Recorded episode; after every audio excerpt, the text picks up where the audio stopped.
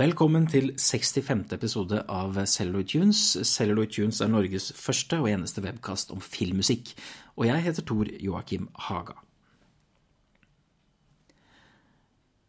Ja, det er på tide å oppsummere det norske filmmusikkåret 2019, som vi jo da gjør hvert år. Eh, vi har da nettopp, eller nylig, publisert vår liste over de ti beste soundtrackene internasjonalt, og så da følger vi gjerne opp med denne episoden som tar for seg alt det vi har klart å få tak i av norsk filmmusikk fra året som har gått. Og ja, Vanligvis så pleier jeg å innlede med noen generelle kommentarer, noe som er veldig vanskelig. Eh, men man kan jo si det i hvert fall om fjoråret at det var litt færre filmer enn vanlig. Eh, vanligvis så spiller vi jo godt over 20 stykker i denne episoden. I år er det vel ja, rundt 16 spor vi har, fordi det rett og slett ble produsert færre filmer. Spesielt på våren i fjor. Og når det gjelder kommentarer omkring uttrykksformer og sjanger og sånn, ja, så er det jo som det er hvert år. Det er mm, mye forskjellig her, fra liksom store orkestrale ting til mer pop-influerte ting, til det som kanskje er eh, ikke bare en trend av 2019, men en norsk trend generelt, eh, spesielt i forhold til dramafilmer, det jeg gjerne kaller for TTD, altså tentative teksturdroner, eh, er det en forkortelse for som jeg selv har laget. Det er veldig varsomt, ambient, eh, teksturelt, eh, litt sånn lyddesignaktig for en del dramafilmer. Og det er en holdning som vi har her, at musikken ikke skal komme for mye i veien for dramaet. Norge er ikke USA. Ikke være for retorisk med musikken. Eh, ligge forsiktig under og alt dette her. Og det er de er jo vel og bra. Eh, filmene krever kanskje en slik innfallsvinkel. Men jeg må jo også si her at jeg gjerne skulle ønske meg en litt større grad av musikalsk identitet. Jeg mener det er mulig å lage filmer basert på den ideologien, men fremdeles ha eh, musikalsk innhold kanskje i større grad. da. Så det er en sånn kritikk jeg kommer med egentlig litt hvert år, eh, men det hjelper jo ikke det, for så vidt. Eh, og det er en del eksempler også på listen vår i år. Eh, men jeg har da prøvd å plukke ut de kanskje mest interessante bitene da, fra disse type soundtrackene. Så eh, med det sagt så syns jeg egentlig vi bare skal begynne. Det er mye vi skal igjennom. Og vi starter Jeg har prøvd å lage her en slags liste da, som ikke er kronologisk fra når filmene kom ut, men, men kanskje gir litt større grad av variasjon, sånn at jeg f.eks. da ikke spiller mange sånne TTD-soundtracks etter hverandre, men bryter dem opp med noe annet og sånn. Eh, jeg syns det gir en best mulig eh, lytteopplevelse. Og vi skal starte litt eh, uortodoks, litt spesielt, med ikke en norsk film, men en svensk TV-serie. Og det er litt sånn juks, det hører jo egentlig ikke med på denne listen. Men det er jo en norsk komponist, da, og det er jo derfor jeg har den med. Og jeg syns også dette er et av de beste soundtrackene laget av en nordmann i fjor. Og jeg snakker om den svenske serien Bryllup, begravning og dop. Som eh, var Colin Nutleys eh, serie om da ja, to familier som møtes under et bryllup på landsbygda i Sverige. Og så skjer det ting som gjør at det blir en veldig dynamikk i, i disse to familiene, uh, uten at jeg kan gå så mye mer inn på det. Jeg har sett uh, to av episodene, uh, og veldig, veldig bra serie. Veldig sånn typisk svensk drama. Colin Nutley, som jo gjorde 'Englagård' på 90-tallet, en av de beste nordiske filmene fra det tiåret. Han fortsetter litt her også, med da nesten litt sånn den nostalgiske, romantiske, visuelle, varme eh, utseendet, blandet med da litt sånn eh, herlige familieintriger og mørkere, mørkere undertekst, kanskje. Eh, jeg syns det, eh, det er en god serie, det, det lille jeg har sett av den. Og musikken her er altså da skrevet av Gaute Storås, en av våre fremste norske filmkomponister. Mest kjent for å gjøre orkestrale ting, og det er for så vidt også tilfellet her. Men eh, litt, mer, litt mindre ensemble, i stor grad kun strykere og piano, som er liksom hovedingrediensene her. Og han maler da liksom dette landskapet til Nøtli med sånne pastorale pennestrøk, hadde jeg nær sagt. Hvor han bruker liksom farger fra skandinavisk folkemusikk inn i dette her og sånn. Eh, det er liksom gammeldags, men på den gode, nostalgiske måten. Det er en type sound vi hører altfor sjelden i nordiske dramaproduksjoner. Og det er jo verdt her da også å nevne at dette soundtracket ble nominert til årets Harpa-pris, som er en nordisk filmmusikkpris som deles ut eh, i Berlin under Berlinalen hvert år. Prisutdelingen er i, i slutten av februar i år. Så vi får heie litt på Gaute og bryllup da. Men eh, la oss høre et lite utdrag da, fra denne TV-serien. Eh, dette er eh, et spor som heter A Nordic Year.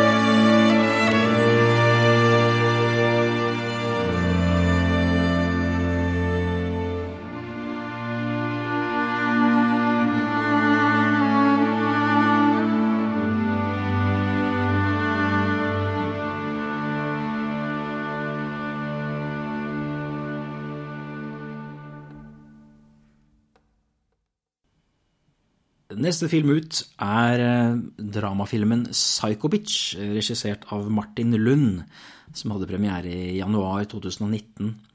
Eh, jeg syns dette er et ganske strålende ungdomsdrama om en jente da, som er, eh, føler seg kanskje litt utenfor i klassen og miljøet hun er i. Men så har hun da en slags ja, la oss kalle det for et turbulent forelskelses-kjærlighetsforhold til en mer sånn streit klassekamerat som elsker å gå langrenn og sånne ting. Det er en um, film som handler om utenforskap, men gjort på en, en, nær og fin, realistisk måte. Så jeg vil si dette var en av liksom høydepunktene for min del av norske filmer i fjor. Um, men når det, gjelder på, når det gjelder musikksiden her, så er det jo ikke så mye originalskrevet musikk. Det er, En bruker vel en del eksisterende låter. Og så er det da et score skrevet av Ology som er en gruppe eller noe sånt, jeg er ikke helt sikker. Består av Bjarne Gustavsen og NML. Dette er ting som ikke er så kjent for meg, men deres oppdrag her har da vært å være Ikke gå så mye i veien for dramaet, utforskende. Det er litt sånn forsiktig piano og litt droner her. Men det finnes også et par sekvenser som har en litt større tilstedeværelse, litt større musikalsk kraft. Og det er nettopp det jeg har lyst til å spille for dere, et spor som heter Svømmehallen.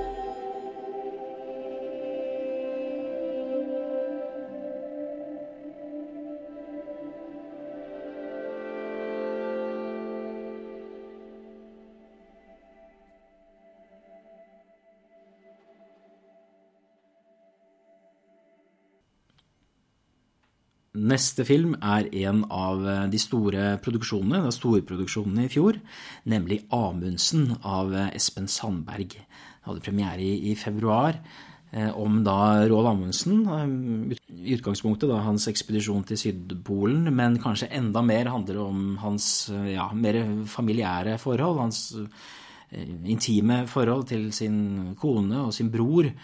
Eh, og det er jo på en måte litt det som er eh, skal jeg si, problemet med filmen også. Jeg, eh, jeg forstår på et vis at man ikke har lyst til å lage her en eventyrfilm à la den TV-serien om Amundsen fra 80-tallet, med kappløp mellom Amundsen og Scott. da. Det er ikke så mye fokus på det her. Det er mer på hans Igjen et slags utenforskap i forhold til sine nærmeste. Men det gjør også at den til tider blir litt tørr, synes jeg. altså. Det, så ærlig må jeg være. Um, musikken her er skrevet av Johan Sødequist, en av ja, Nordens fremste filmkomponister. Og han er jo kjent for å gjøre ikke bare svensk film, men norsk film over en lav sko. Um, det er noen år siden nå jeg liksom ble veldig grepet av Sødekvists musikk. Han har alltid vært en av mine favoritter. Jeg tror vi kanskje må tilbake til faktisk Kon-Tiki i 2014, som jeg syns var kjempebra. Ehm, her så er det ikke så mye kanskje identitet i samme grad. Han prøver å tegne et landskap her som er ganske kjølig. Ehm, og han bruker også en del sånn enkeltinstrumenter som ligger ovenpå en drone eller noen harmoniseringer. I utgangspunktet noe som på en måte kanskje skal skildre ensomhet. Og da snakker jeg ikke om ensomhet i isødet, men kanskje liksom den ensomheten Amundsen er, har i forhold til sine nærmeste, da, som jeg snakket om i stad. Og Det er for så vidt en interessant innfallsvinkel, men i forhold til spenstige instrumenteringsvalg og den derre vakre, melankolske kvaliteten som Sødekvist ofte har, så er, det kanskje ikke så mye av det Eh, akkurat i dette scoret. Men eh, for all del, det har eh, flere fine høydepunkter. Sødekvist er nesten aldri dårlig, vil jeg si. Og det er også tilfellet her. Vi har flere mulige spor vi kunne valgt fra dette soundtracket, som for øvrig er gitt ut. Mange av disse som jeg spiller i dag, har jo ikke en soundtrack-utgivelse, men denne har det. Og jeg har lyst til å spille et spor som heter Two Brothers.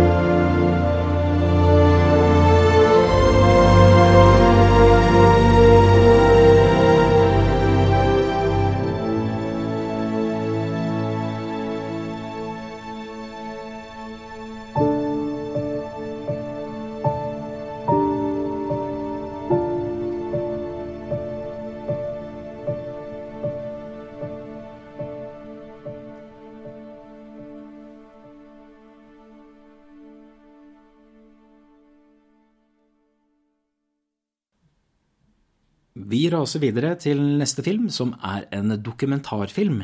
'Kamel'. Fra, ja, den hadde premiere i den i februar da, i 2019, regissert av Carl Emil Rikardsen. Eh, handler da om denne familien i Nord-Norge som har bestemt seg for å ha en kamelfarm, nærmest. Med, med, i hvert fall med to uh, kameler, da. Eh, og så er det også omstendigheter som gjør at de reiser til Mongolia for å sjekke ut kamel tilstanden der. Kanskje finne en trener da, til, eh, en til disse kamelene eh, hjemme. En søt dokumentar, vil jeg si. Eh, musikken her er skrevet av Jakob Jansson og Ville Langfelt, som imponerte meg ganske mye med musikken de gjorde til dokumentaren 'Ishavsblod' for et par år siden. De gjør alltid noe sånn veldig åpent og nordnorsk i hermetegn, med litt sånn luftige gitarer, litt sånn poppreg og sånn. Jeg syns de er ganske flinke på å naile akkurat det der det soundet der. I dette tilfellet så blander de også inn eh, mer eksotiske instrumenteringer. Her er bl.a. en god del mongolsk strupesang og sånn, spesielt da når de drar til Mongolia, denne familien. Eh, jeg syns det, det, har en identitet. Her er det ikke bare snakk om TTD, da, men noe, noe som har en uh, musikalsk tilstedeværelse i filmen. Det, det, liker jeg veldig godt. Uh, la oss høre et spor fra denne filmen som heter 'Cowboys of the Desert'.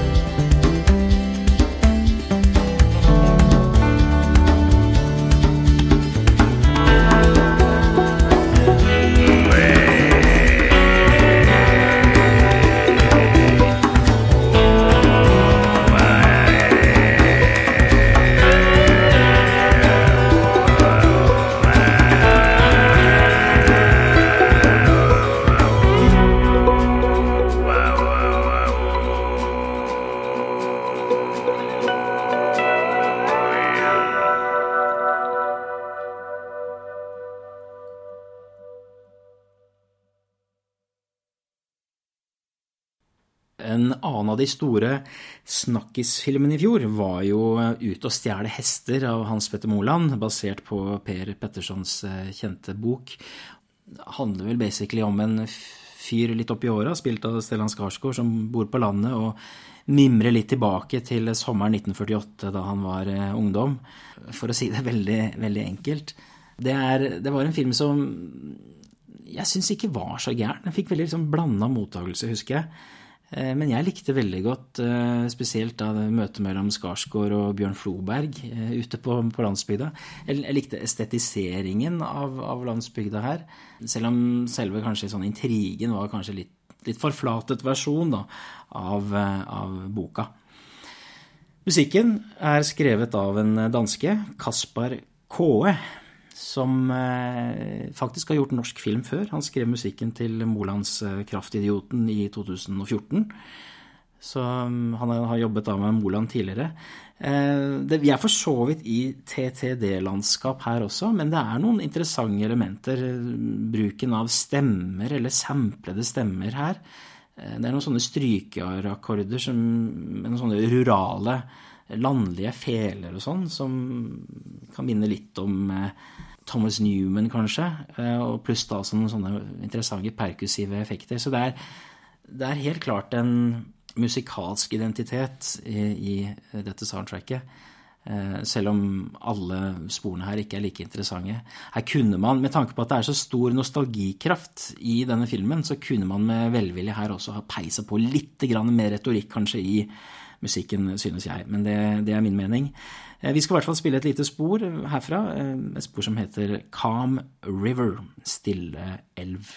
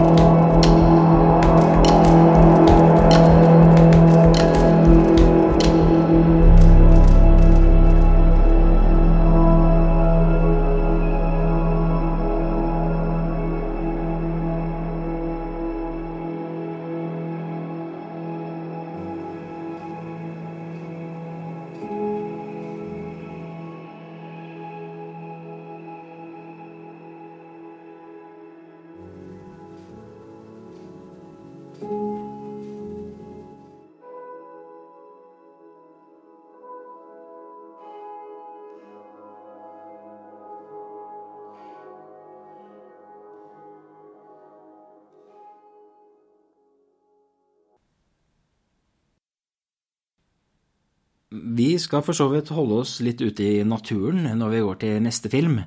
'Villmarksbarna en eventyrlig reise', som var en eh, dokumentar, en slags familiedokumentar, da, som hadde premiere i oktober.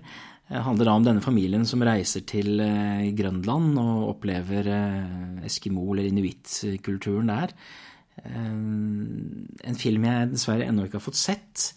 Musikken her er skrevet av en som heter Tony Våde, som også var et ukjent eh, navn for meg. Jeg lurer på om dette er, eller dette må jo være hans første langfilm.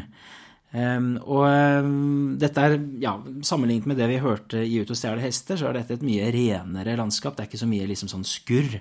Eh, som selvfølgelig da skal understreke eventyraspektet her i mye høyere grad, med bastante pauker og perkusjon. Veldig sånn rytmisk til tider. Litt sånn Game of Thrones-territorium, kanskje.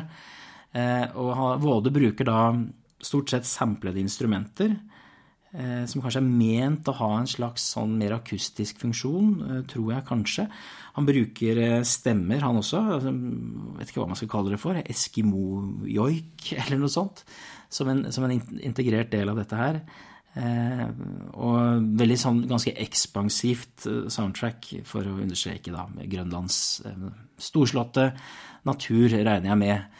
Som sagt, jeg har ikke sett filmen. Eh, men jeg syns vi skal spille et lite utdrag her også, som da demonstrerer dette, dette joik-aktige elementet. Eh, nemlig et spor som heter Final Tony Remix Vignett. Det er som sagt ikke et utgitt soundtrack, så dette er vel noe han har kalt det for sitt eget eh, bruk, da.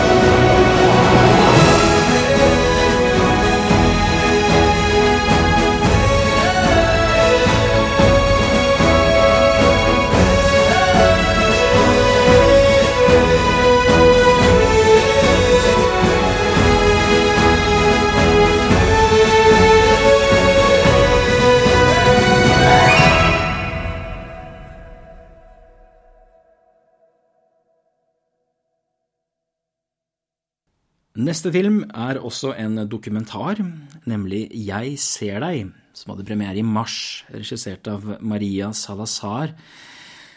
Handler jo da om eh, Michael Winger, eh, som eh, har synske evner og, og blir hyret inn til å lete etter savnede personer.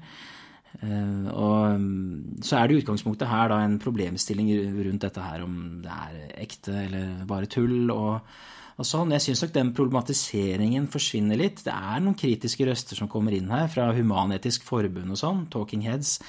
Men øh, jeg vet ikke. Den lander vel på et sted hvor vi liksom kanskje skal tro på dette her, da.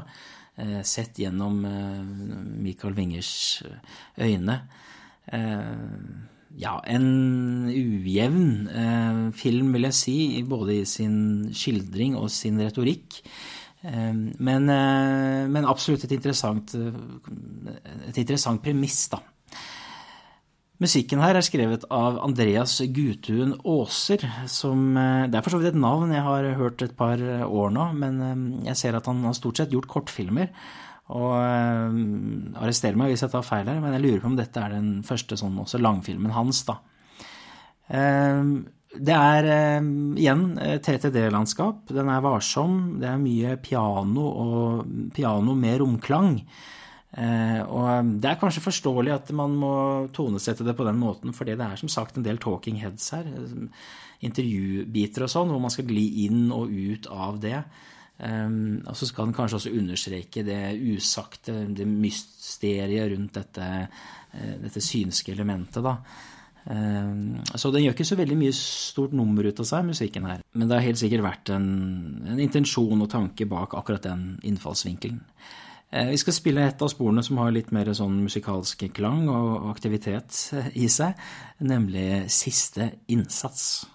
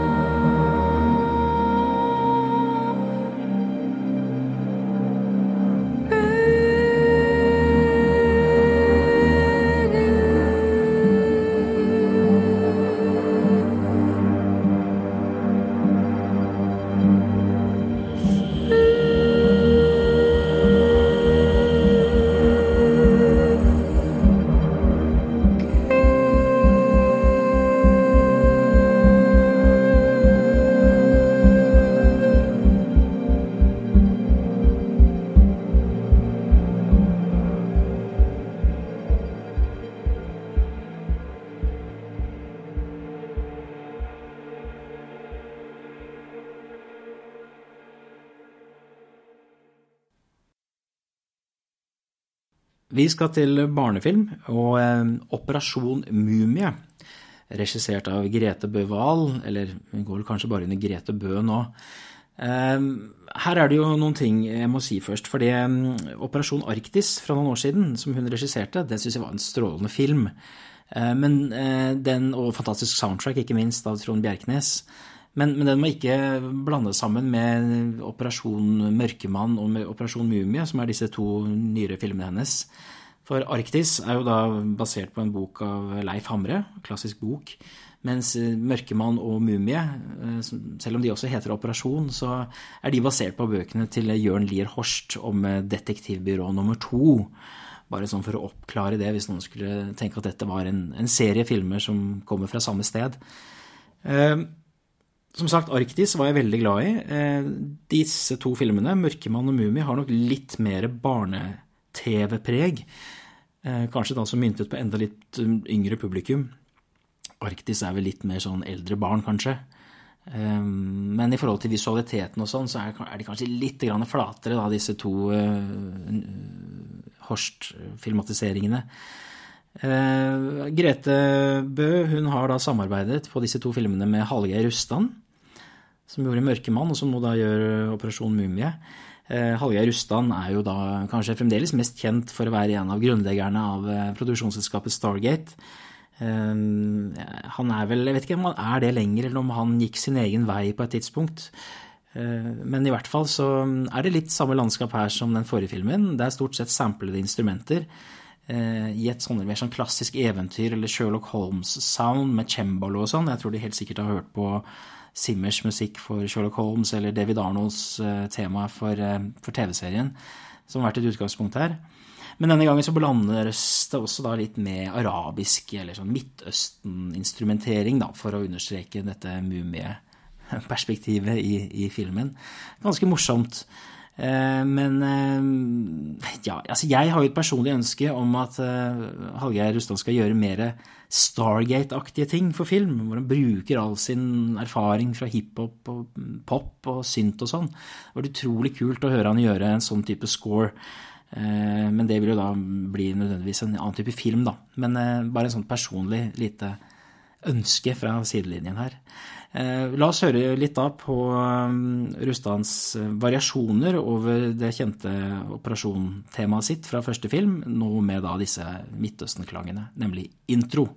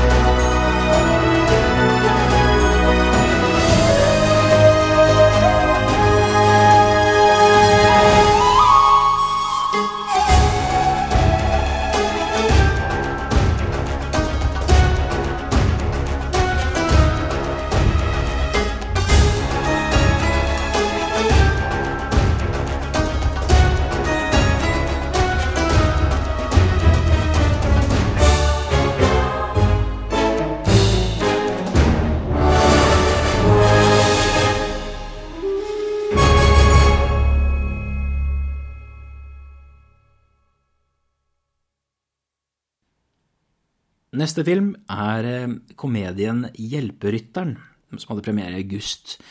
Eh, regissert av Jannicke Systad Jacobsen, eh, som da handler om denne tidligere syklisten, da, Kim Carlsen, spilt av Silje Salomonsen, som da blir tatt i dopingbruk, og konsekvensene det får for henne selv og sine omgivelser. Jeg har ikke fått sett denne filmen heller ennå. Eh, men jeg har hørt, ja, jeg har hørt litt blandet mottakelse, men ganske mye positivt. Eh, I spesielt kanskje i tonen, da, filmens litt sånn rare tone. Eh, musikken er skrevet av Peder Kjelsby, også en erfaren norsk filmkomponist som kanskje er mest kjent fremdeles for å ha tonesatt flere Varg VM-filmer. Men også for sitt lange samarbeid med Dag Johan Haugerud. Det skal vi komme litt tilbake til ganske straks. Eh, for denne filmen så er vi i ja, vi er i TTD-territorium med litt sånt varsomt piano, noe gitar, forsiktig synt. Jeg tror tanken her har vært å understreke dramaet i fortellingen. Eh, så komedien, altså det komedieaspektet kan leve mer på, på egen hånd. Det er i hvert fall ingen retorikk her i forhold til humor. Det, det har aldri vært noe intensjon, tror jeg. Eh, det kan helt sikkert også være riktig valg. Eh, det er ikke noe poeng at musikken er morsom hvis, hvis, filmen er det. Eh, men det er også et par sekvenser her som har litt mer identitet. Ikke gitt ut noe soundtrack her heller. Så jeg spiller bare et spor som jeg har fått tilsendt, som heter Drømmen del 1 uten bankelyd. Hva nå det skulle bety. Dette er Hjelperytteren.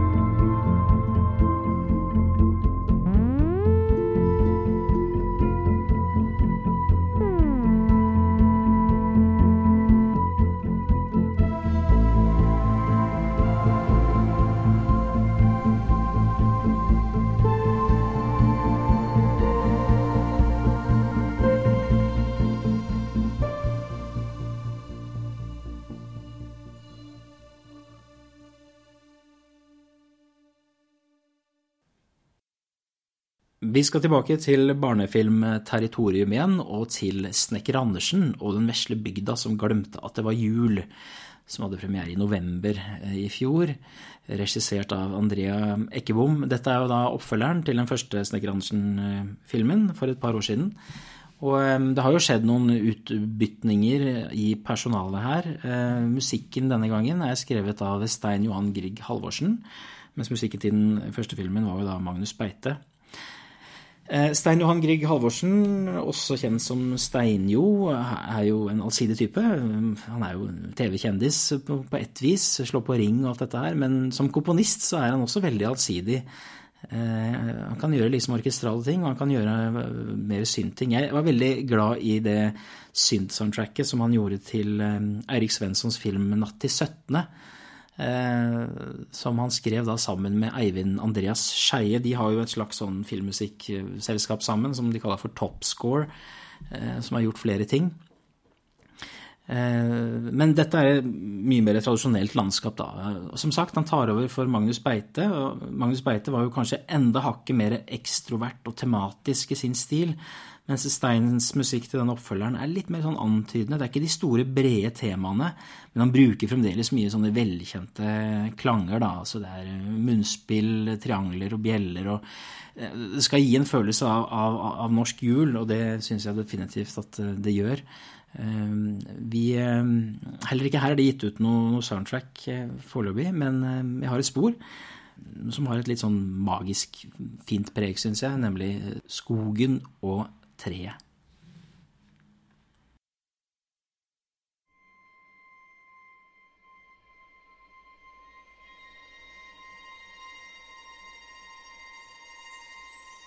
thank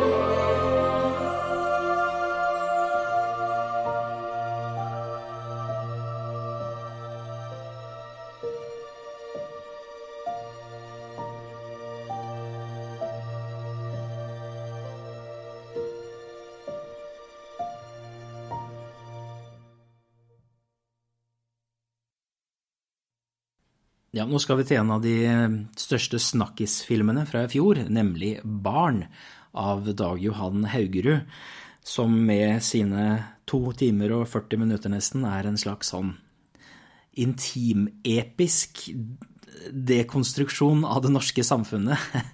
Eh, men altså satt da mot eh, bakteppet av en tragisk situasjon hvor et barn blir drept av et annet barn i skolegården, og de konsekvensene det får for familiene og, lokalsamfunnet og sånn. Mange sier at dette er en av de beste filmene fra 2019. Ehm, jeg syns den er god, men jeg er ikke helt eh, der. Det har jo litt med at den er Den er jo veldig dialogdrevet film, som alltid, med Dag Johan Haugerud. Ehm, men det jeg for så vidt liker da med, med, denne, er at den også har mange sånne visuelle motiver, både subtile og ikke så subtile.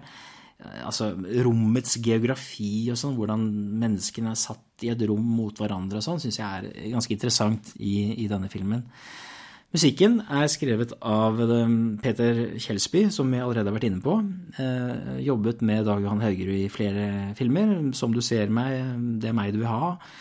Eh, og her jobber han da også sammen med en annen komponist som heter Arnaud Fleuron Didier, fransk mann som i utgangspunktet er eh, ukjent for meg, men så oppdaget jeg at han jo faktisk gjorde musikken til eh, Dag Jan Haugeruds film 'Thomas Hylland Eriksen' og historien om Origami-jenta fra 2005. Så her har vi da altså to Haugerud-veteraner som jobber sammen på Barn. Det er forholdsvis lite musikk i filmen. Eh, den er diskré og antydende her også. Eh, hvis man skal ha noe stikkord her, så er det vel kanskje bjeller og droner som går igjen mye. Men den har også et par mer musikalske, impresjonistiske strekk. Jeg husker annet spesielt en sekvens for en sånn tur i parken her. Og så er det altså rulletekstsporet som kanskje er det mest markante.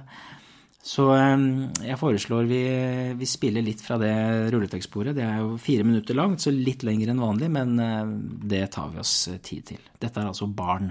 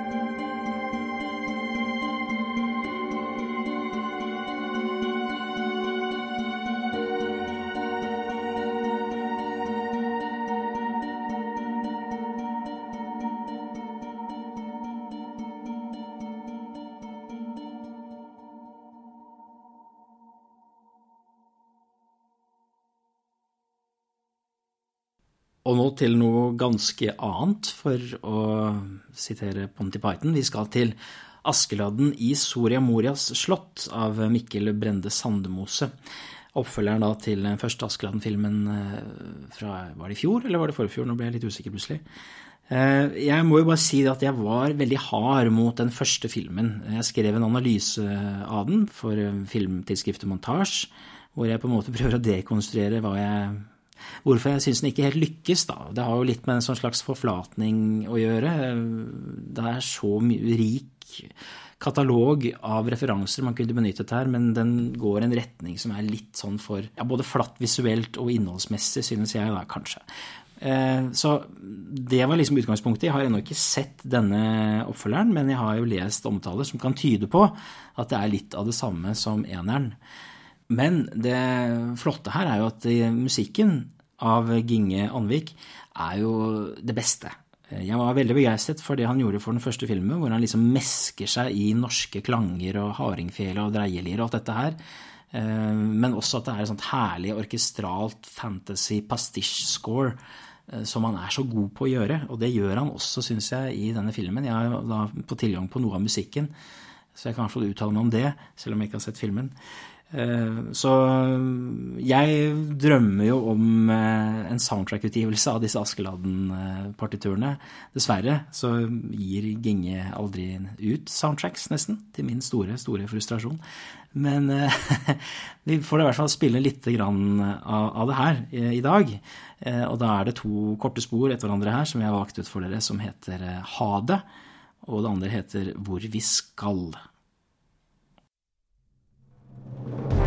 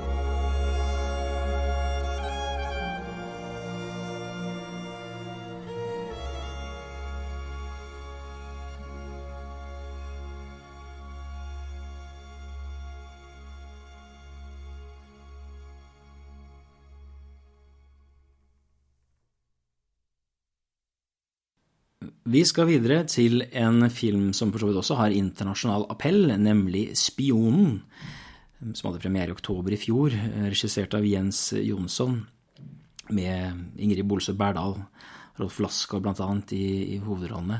Eh, dette er jo da historien om Sonja Wigert, den kjente skuespilleren som var da dobbelt agent under andre verdenskrig. Eh, og jeg kjenner ikke så mye til hennes historie annet enn det. Eh, I hvert fall interessant eh, råstoff for en spionfilm. Og igjen en film jeg da ikke har fått sett, som dere helt sikkert skjønte på den beskrivelsen. Musikken her er skrevet av en belgisk komponist som heter Raf Køynen som har gjort et par kjente ting tidligere. Han gjorde bl.a. actionfilmen eh, The Drop i 2014 med Tom Hardy. Og ikke minst den belgiske snakkisfilmen 'Bullhead' fra 2011. Så en, en, kjent import. Altså vi importerer mye komponister fra utlandet, og det er altså da tilfellet her. Eh, ja, soundtracket er gitt ut, også her i dette tilfellet, så jeg har hørt litt på det. Og det som er fint her, syns jeg er spesielt disse sånne jazz-storband-tingene eh, fra perioden, sannsynligvis da brukt som kildemusikk i, i filmen. Utover det så kjører den mer sånne klassiske thrillerkonvensjoner, altså liksom mystiske, undulerende figurer på piano og stryker i det lave registeret og sånn. Eh, som ikke er sånn superspennende, for å være helt ærlig. Jeg har hørt det tusen ganger før. Men også her finnes det et par høydepunkt. Jeg har lyst til å spille et forholdsvis kort spor som heter eh, Apple. Hvor det er noen litt sånn James Horner-aktige strykerharmonier som jeg syns er eh, litt fine. Dette er eh, Spionen.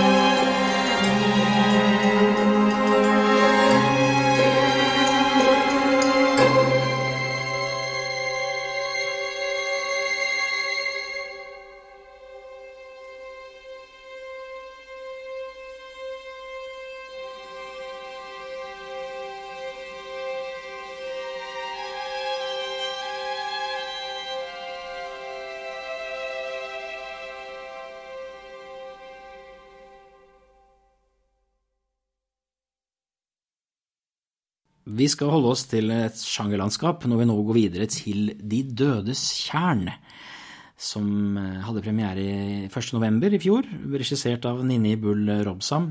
Ehm, her er det jo vanskelig å ikke trekke sammenligninger til eh, den klassikeren fra 50-tallet.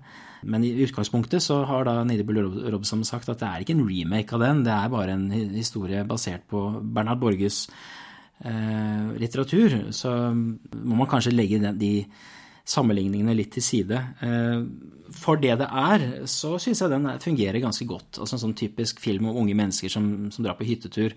Vi har jo sett mange filmer i den sjangeren opp igjennom. og, og den føyer seg fint inn i det, men den har noen fine ja, iscenesettelser, bruk av natur og sånn her også, som jeg faktisk likte ganske godt. Eh, Nini Bull Robsam har selv sagt at denne produksjonen fikk mye oppmerksomhet fra Hollywood-legender. Og det ser vi jo da også på komponisten her, for det er altså selveste John Debney. Som er en av de store der borte, og skrev musikk til filmer som Cutthroat Island og Passion of the Christ, Iron Man 2, Sin City osv. osv. Og ehm, jeg, selv om jeg kan være litt sånn redd for denne voldsomme importen av utenlandske komponister hele tiden, så skal jeg ikke legge skjul på det at jeg syns dette var et bra score, altså. Det er en sånn deilig, mørk romanse, nærmest. Det jeg ofte kaller for delicious darkness. En type sound som komponister som Christopher Young er så god på. Altså at det er melodisk og elegant, selv om det er mørkt og horror. Eh, og det er veldig sjeldent. Eh, ofte så er det mer sånne lyddesignaktige ting. Og ok, så finnes det noen elementer av det her også. Noen obligatoriske stingere og sånne andre moderne horrortroper. Men i bunn og grunn så er den liksom deilig gammeldags og melodisk. Og eh, det er klart, det kunne man også fått en norsk komponist til å gjøre. Gaute Storås eller Knut Avestrup Haugen eller hvem som helst. Men uh, John Debney skal ha for det at han virkelig leverer varene for denne filmen. En av uh, høydepunkt-soundtrackene i fjor, synes jeg. Fremdeles ikke gitt ut noe soundtrack her. Litt overraskende med tanke på at det er Debney. Men uh, vi har i hvert fall fått tilgang på, på musikken. Og jeg har lyst til å spille åpningssporet. Vil si, her er det to forskjellige alternative åpningsspor, men jeg tror dette er det som faktisk endte opp i, i filmen, da.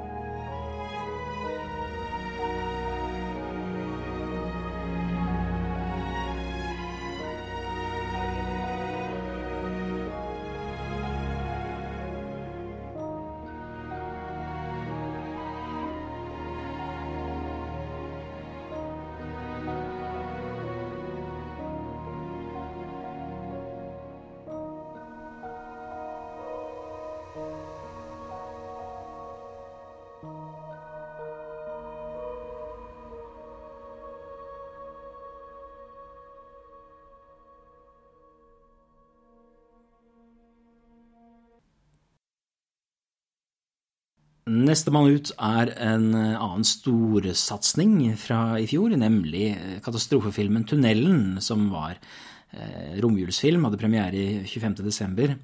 Så faktisk forholdsvis fersk. Eh, og vel, det har jo vært et par katastrofefilmer i Norge de siste årene. 'Bølgen', 'Skjelvet' og 'Tunnelen'.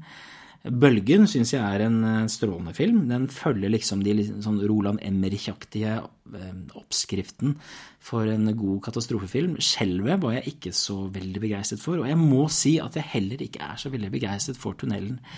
Eh, nå er det selvfølgelig urettferdig å sammenligne det med en film som Daylight fra 90-tallet. Altså, husker den Sylvester Stallone-filmen som også handlet om en tunnelkatastrofe. Men den føles liksom så liten på en eller annen måte. Altså Familiedrama syns jeg ikke er sånn veldig sterkt her. Forholdet mellom far og datter, da, som skal være liksom kjernen her. Og disse setpisene som man forventer at en katastrofefilm skal ha, syns jeg ofte blir litt sånn antiklimaktiske i denne filmen. Så eh, litt av de samme problemene jeg for så vidt hadde med Skjelv òg. Så et godt stykke unna eh, bølgen, synes jeg, da. Hvis man skal sammenligne når det gjelder musikken her, så er den skrevet av et uh, tysk mannskap.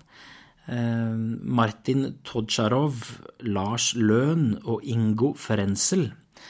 Tre stykk står oppgitt, og av disse er kanskje Martin Todsjarov mest kjent. Han gjorde bl.a. musikken til The Hauptmann, eller The Captain, for et par år siden. Denne svart-hvitt-filmen som faktisk var ganske interessant. Eh, jeg lurer litt på hvorfor man gikk til Tyskland for å hente inn disse her. Eh, jeg, kunne man ikke brukt noen norske komponister her? Jeg, jeg, jeg, tror man fint kunne gjort det. Eh, vi må roe oss litt med denne her importtenkningen når det er så, så, liten industri og det er såpass mange komponister, norske komponister som trenger jobbene. Så er det ikke alltid at det blir så mye bedre av å gå til utlandet heller. Én ting er sånn som Preissner, Preisner og sånn, som gjorde den fantastiske musikken til eh, 'Skyggenes dal' her for et par år siden, men eh, for en type sjangerfilm som dette, så tror jeg fint man kunne finne et, funnet kompetansen her hjemme. Det var en brannfakkel. Når det gjelder denne aktuelle musikken, da, så er det ikke så veldig mye å hekte seg ved her. Det er igjen mest lyddesignaktig suspense. Eh, men den har også noen litt fine sånne melankolske partier som skal understreke tragedien, da, eller de mer sånn intime og problematiske familieforholdene. Så eh, jeg har prøvd å finne noe høydepunkt fra dette. Et spor som heter Haunted Space. Som heller ikke handler om familieintrigene, men som er en litt sånn mysteriøs og fin sak for ja, Er det et av tilfluktsrommene inne i tunnelen eller sånn? Jeg husker ikke. Noe som har en litt mer musikalsk klang ved seg, da.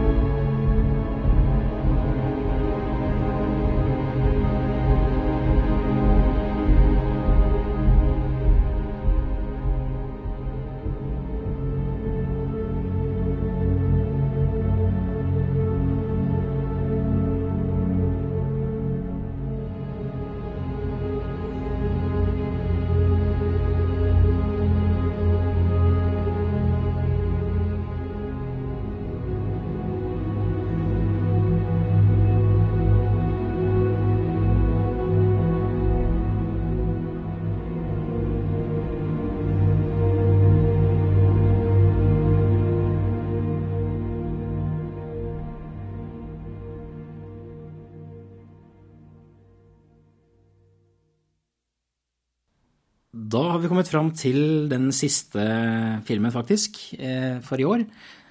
Nemlig animasjonsfilmen 'Kaptein Sabeltann og den magiske diamant'. Og eh, jeg har ikke sett denne filmen. Det er jo laget nå etter hvert flere Sabeltann-filmer. Den forrige, eh, 'Skatten i Lamarama', var det vel, den jo, spilte vi jo klipp av da den kom. Hadde musikk av Johan Sødekvist. For denne filmen så har de fått komponist Johannes Ringen til å skrive musikk. Johannes Ringen har vi snakket om før. En, også en av de mest brukte komponistene i Norge om dagen. Han, etter at han kom tilbake fra USA, hvor han hadde jobbet mye med Brian Tyler, så har han på en måte nesten okkupert eller tatt over det domenet som Magnus Beite har hatt i mange år. Nemlig denne kombinasjonen av ja, kanskje litt sånn mer moderne simmeraktige ting og denne kombinasjonen av synt, orkester og sånne ting. Eh, han er eh, han kan absolutt gjøre mer enn Hollywood-aktige saker, men han er nå blitt brukt da, eh, til den type sound i en del sammenhenger. Og musikken her også er veldig stor og fyldig, og han demonstrerer, vil jeg si, litt av sin allsidighet i denne filmen. Vi er nå litt i gaten til eh, John Powell, vil jeg si. Han, spesielt da kanskje disse How to Train Your Dragon-filmene. Altså hvor det er orkestralt, men hvor orkesteret brukes nesten litt sånn popaktig i sin rytme og sine harmoniskifter og sånn, som er veldig, veldig fornøyelig. Eh, I tillegg er det noe morsomme instrumenteringsvalg her, som bruk av trekkspill og sånn, som selvfølgelig er veldig pirataktig. Så alt i alt syns jeg et eh, kjempefornøyelig soundtrack. Eh, som han godt kan være stolt over, eh, godeste Johannes. Her er det faktisk gitt ut et soundtrack som er eh, Der er det riktignok flest sanger, men det er nå plass til ja, fem-seks score-spor av Johannes også, og vi skal spille et av dem, nemlig Den magiske diamant og spionapen.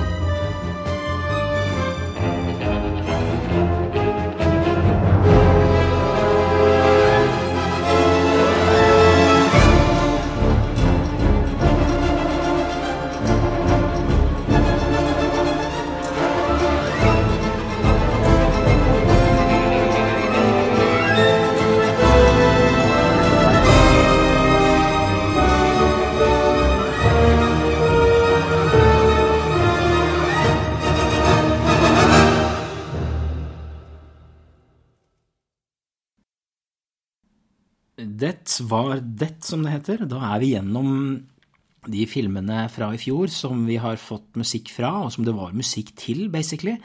Det finnes jo også noen filmer som ikke hadde noe originalmusikk. Eh, jeg nevner da Swingers, som jeg ikke, som ikke tror har noe originalmusikk. Brillebjørn på ferie, der var det vel stort sett bare gjenbruk av gammel musikk av Eirik Myhr og sånn.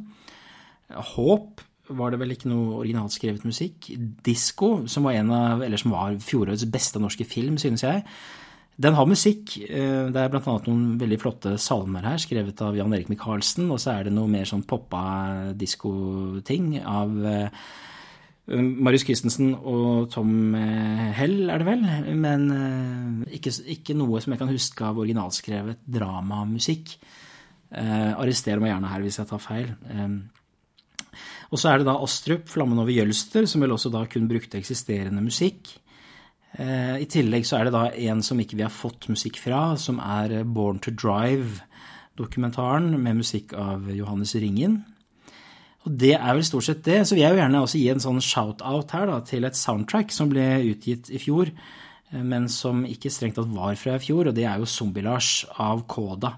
Det har jeg snakket om før. Jeg spilte ut klipp fra det i den TV-episoden som jeg gjorde eh, for en liten stund siden. Eh, som da er Kodas musikk til NRK barne-TV-serien Zombie-Lars, hvor han da har tatt musikk fra de tre sesongene som er, tror jeg, og utvidet litt, omarrangert litt og gjort det til et sånt helstøpt, sinnssykt kult eh, elektronikaalbum eh, som han da gir ut i 2019. Så, men den har vi som sagt spilt noe fra, så den, den, tok jeg ikke med i denne omgang. Ei heller andre norske TV-ting. Eh, det kan eventuelt spare til en fremtidig TV-episode. Det var det. Da er det bare for dere å kommentere hvis dere vil. Noen ting dere likte eller mislikte. Eh, og del gjerne episoden i dine sosiale medier hvis du vil det. Eh, vi ses plutselig med en ny episode. Inntil da så sier jeg bare vi høres. Thank you.